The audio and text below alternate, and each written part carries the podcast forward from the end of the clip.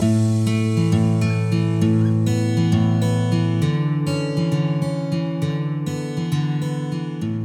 welkom bij de rubriek Inzicht van de Week, waarin ik allerlei levenslessen op het gebied van mindfulness en persoonlijke groei met je deel. Deze aflevering neem ik op zondagavond op, vlak voor het begin van een nieuwe week. Misschien luister je wel naar me op maandagochtend vanuit de trein of op de fiets, terwijl je onderweg bent naar je werk. Of misschien ben je de vaatwasser aan het uitpakken, de was aan het doen of een ander huishoudelijk klusje en wil je ondertussen iets zinnigs horen. Een podcast is natuurlijk ideaal als je met iets bezig bent waar je je niet voor volle 100% hoeft te focussen. Autorijden is nog zo'n voorbeeld. Waarom ik hierover begin? Nou, online kwam ik laatst een artikel tegen waarin stond dat lopen zonder afleiding een trend is. Er is zelfs een naam voor: silent walking. Gewoon een wandelingetje maken zonder oordoppen, zonder podcast of muziek is dus een trend. Ik moest erom lachen, want hoe ironisch is het dat zoiets gewoons als lopen, puur lopen, trending is. Het is voor mij een teken dat we zoveel prikkels te verwerken krijgen dat simpele alledaagse activiteiten extra bijzonder worden. Bijna een soort van geromantiseerd. Ik keek het uh, TikTok-filmpje waar het artikel naar verwees en ik vond het fascinerend om te zien hoe deze TikToker een ding maakte van wandelen. Zo zegt ze: Something happens after two minutes where your brain gets into this flow state and everything is quiet.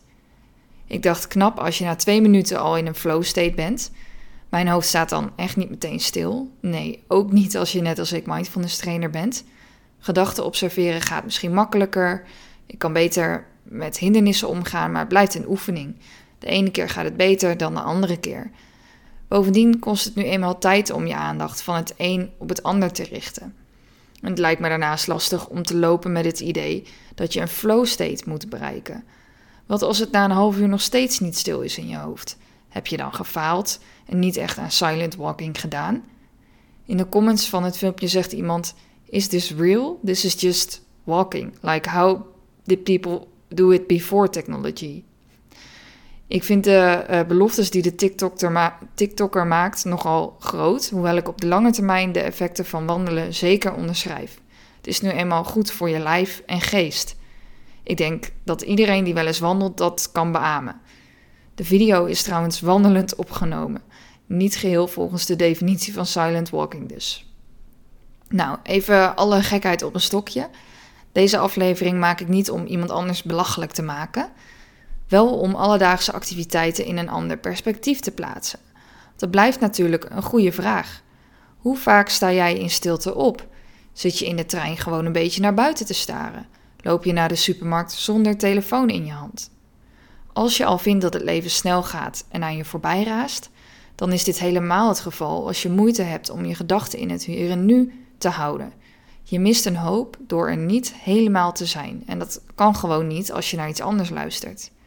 Je krijgt gesprekken niet volledig mee, ziet de gele bladeren aan de boom niet, mist de geur van je douchegel. Er zijn honderden, duizenden dingen die je niet precies meekrijgt. Mindfulness geeft je leven meer diepgang, meer kleur.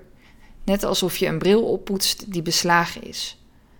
Je kunt hier, jezelf hierbij helpen door tenminste één keer per dag even geen ruis binnen te laten.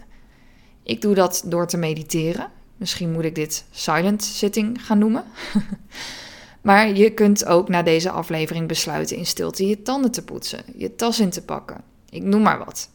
Begin klein en wees je bewust van de oordelen die je hebt als je niet meteen een flow state bereikt of niet meteen stilte ervaart. Daar gaat het niet om namelijk. Nou, dit was hem dan. Heb je vragen of kan ik je helpen meer in het nu en met minder stress te leven? Neem dan gerust contact met me op. Mail naar lisa.mindfulnessbuddy.nl of stuur me een bericht op Instagram. Je vindt me onder de naam Mindfulness Buddy. De link van het artikel waar ik naar verwijs in deze aflevering zet ik in de show notes. Dan kun je zelf nog even kijken. En leuk als je laat weten of je deze podcast inderdaad luistert terwijl je iets anders doet. Nou, fijne dag nog en tot snel.